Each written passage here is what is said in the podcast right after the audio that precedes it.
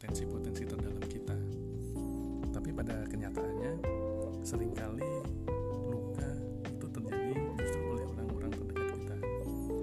Tanpa sadar bisa jadi sahabat teman atau pasangan atau keluarga melakukan atau tidak sengaja menorehkan luka kepada kita. Nah bagaimana kita melihat luka yang dilakukan oleh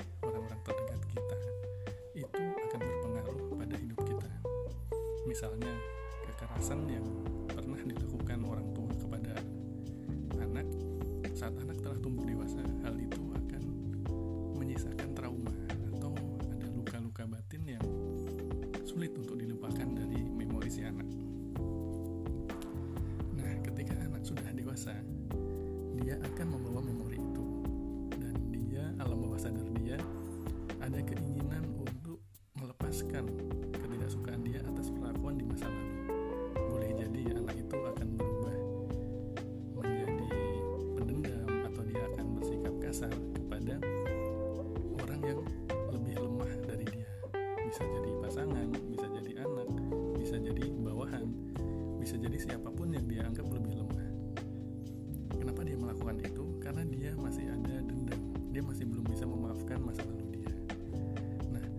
di sinilah pentingnya kita belajar memaafkan. Agar kita tidak perlu melakukan kekerasan ataupun kita tidak melakukan dendam kepada orang-orang di sekitar kita yang sebenarnya dia belum tentu tahu masalah yang pernah kita alami. Dalam contoh anak tadi ketika dia sudah tumbuh dewasa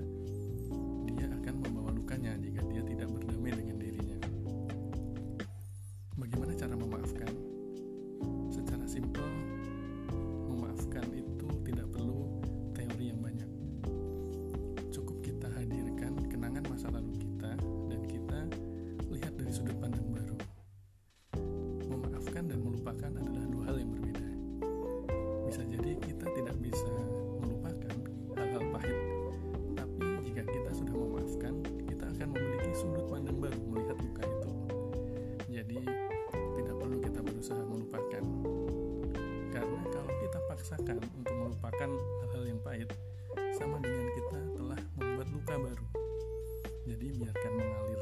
tidak perlu dilupakan. Yang penting poinnya adalah bagaimana kita mempunyai sudut pandang baru melihat kejadian kita di masa lalu. Dalam contoh kekerasan pada anak tadi si anak ketika dewasa dia cukup mencari sudut pandang baru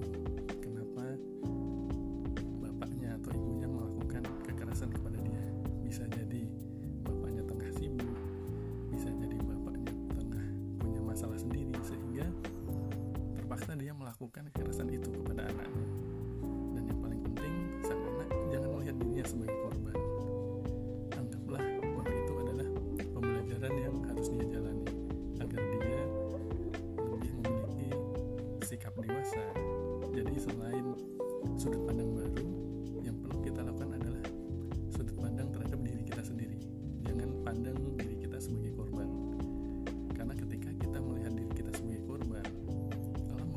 kita pasti ada keinginan untuk membalas dendam. Nah inilah yang berbahaya ketika kita tumbuh dewasa. Ada keinginan-keinginan yang tanpa kita sadari itu sebenarnya berasal dari luka kita di masa lalu. Untuk itu memaafkan itu sangat penting. Perjuangan hidup bukan hanya perjuangan untuk mewujudkan impian perjuangan untuk meraih prestasi karir dan sebagainya. Tapi yang tidak kalah pentingnya adalah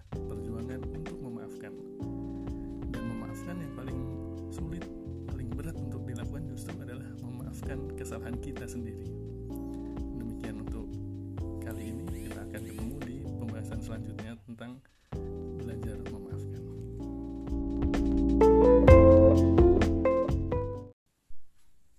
Kali ini saya akan membahas tentang belajar memaafkan. Mengapa sih kita perlu belajar memaafkan? Karena setiap kita pasti pernah melakukan salah atau pernah orang lain melakukan kesalahan kepada kita. Baik itu oleh orang-orang di masa lalu kita maupun oleh orang-orang terdekat kita. Hubungan kita dengan orang-orang terdekat, baik itu sahabat ataupun keluarga, idealnya adalah hubungan yang menguatkan, mencerahkan, memotivasi, dan juga membangkitkan potensi-potensi terdalam kita. Tapi pada kenyataannya, sering kali luka itu terjadi justru oleh orang-orang terdekat kita. Tanpa sadar, bisa jadi sahabat, teman, atau pasangan, atau keluarga melakukan atau tidak sengaja menorehkan luka kepada kita. Nah, bagaimana kita melihat luka yang dilakukan oleh orang-orang terdekat kita itu akan berpengaruh pada hidup kita.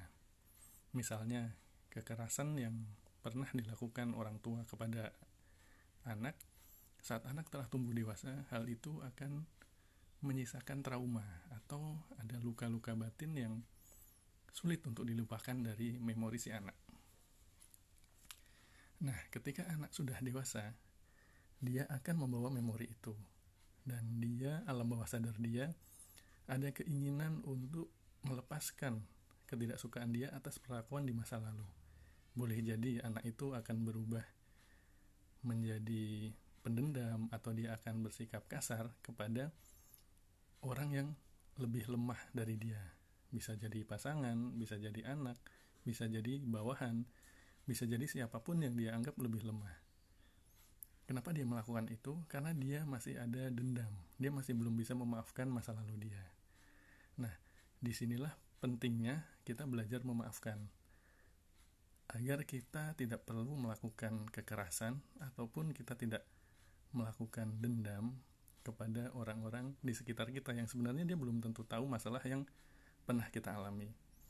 Dalam contoh anak tadi, ketika dia sudah tumbuh dewasa, dia akan membawa lukanya jika dia tidak berdamai dengan dirinya. Bagaimana cara memaafkan? Secara simpel, memaafkan itu tidak perlu teori yang banyak. Cukup kita hadirkan kenangan masa lalu kita dan kita lihat dari sudut pandang baru. Memaafkan dan melupakan adalah dua hal yang berbeda. Bisa jadi kita tidak bisa melupakan hal-hal pahit tapi jika kita sudah memaafkan, kita akan memiliki sudut pandang baru melihat luka itu.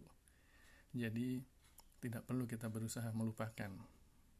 Karena kalau kita paksakan untuk melupakan hal-hal yang pahit, sama dengan kita telah membuat luka baru.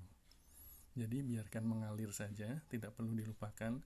Yang penting poinnya adalah bagaimana kita mempunyai sudut pandang baru melihat kejadian kita di masa lalu dalam contoh kekerasan pada anak tadi, si anak ketika dewasa dia cukup mencari sudut pandang baru. Kenapa bapaknya atau ibunya melakukan kekerasan kepada dia? Bisa jadi bapaknya tengah sibuk, bisa jadi bapaknya tengah punya masalah sendiri sehingga terpaksa dia melakukan kekerasan itu kepada anaknya. Dan yang paling penting, sang anak jangan melihat dirinya sebagai korban. Anggaplah bahwa itu adalah pembelajaran yang harus dia jalani agar dia lebih memiliki sikap dewasa. Jadi selain sudut pandang baru, yang perlu kita lakukan adalah sudut pandang terhadap diri kita sendiri. Jangan pandang diri kita sebagai korban. Karena ketika kita melihat diri kita sebagai korban, alam bawah sadar kita pasti ada keinginan untuk membalas dendam. Nah, inilah yang berbahaya ketika kita tumbuh dewasa, ada keinginan-keinginan yang tanpa kita sadari itu sebenarnya berasal dari luka kita di masa lalu. Untuk itu, memaafkan itu sangat penting. Perjuangan hidup bukan hanya perjuangan untuk mewujudkan impian, perjuangan untuk meraih prestasi, karir, dan sebagainya, tapi yang tidak kalah pentingnya adalah perjuangan untuk memaafkan. Dan memaafkan yang paling sulit, paling berat untuk dilakukan justru adalah memaafkan kesalahan kita sendiri. Demikian untuk Kali ini kita akan ketemu di pembahasan selanjutnya tentang belajar memaafkan. Kali ini saya akan membahas tentang belajar memaafkan. Mengapa sih kita perlu belajar memaafkan? Karena setiap kita pasti pernah melakukan salah atau pernah orang lain melakukan kesalahan kepada kita. Baik itu oleh orang-orang di masa lalu kita maupun oleh orang-orang terdekat kita. Hubungan kita dengan orang-orang terdekat, baik itu sahabat ataupun keluarga, Idealnya adalah hubungan yang menguatkan, mencerahkan, memotivasi, dan juga membangkitkan potensi-potensi terdalam kita.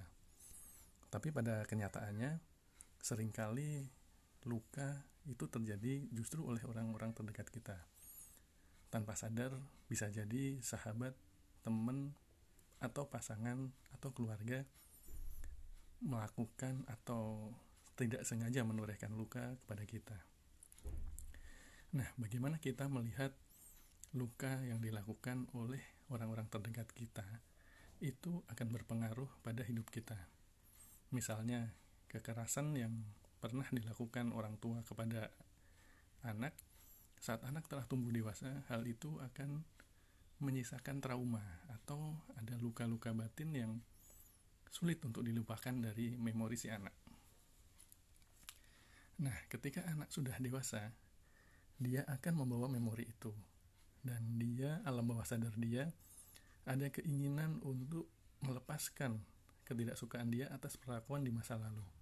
Boleh jadi anak itu akan berubah menjadi pendendam atau dia akan bersikap kasar kepada orang yang lebih lemah dari dia. Bisa jadi pasangan, bisa jadi anak, bisa jadi bawahan, bisa jadi siapa pun yang dia anggap lebih lemah Kenapa dia melakukan itu? Karena dia masih ada dendam. Dia masih belum bisa memaafkan masa lalu dia. Nah, di sinilah pentingnya kita belajar memaafkan. Agar kita tidak perlu melakukan kekerasan ataupun kita tidak melakukan dendam kepada orang-orang di sekitar kita yang sebenarnya dia belum tentu tahu masalah yang pernah kita alami. Dalam contoh anak tadi, ketika dia sudah tumbuh dewasa, dia akan membawa lukanya jika dia tidak berdamai dengan dirinya. Bagaimana cara memaafkan? Secara simpel, memaafkan itu tidak perlu teori yang banyak. Cukup kita hadirkan kenangan masa lalu kita dan kita lihat dari sudut pandang baru.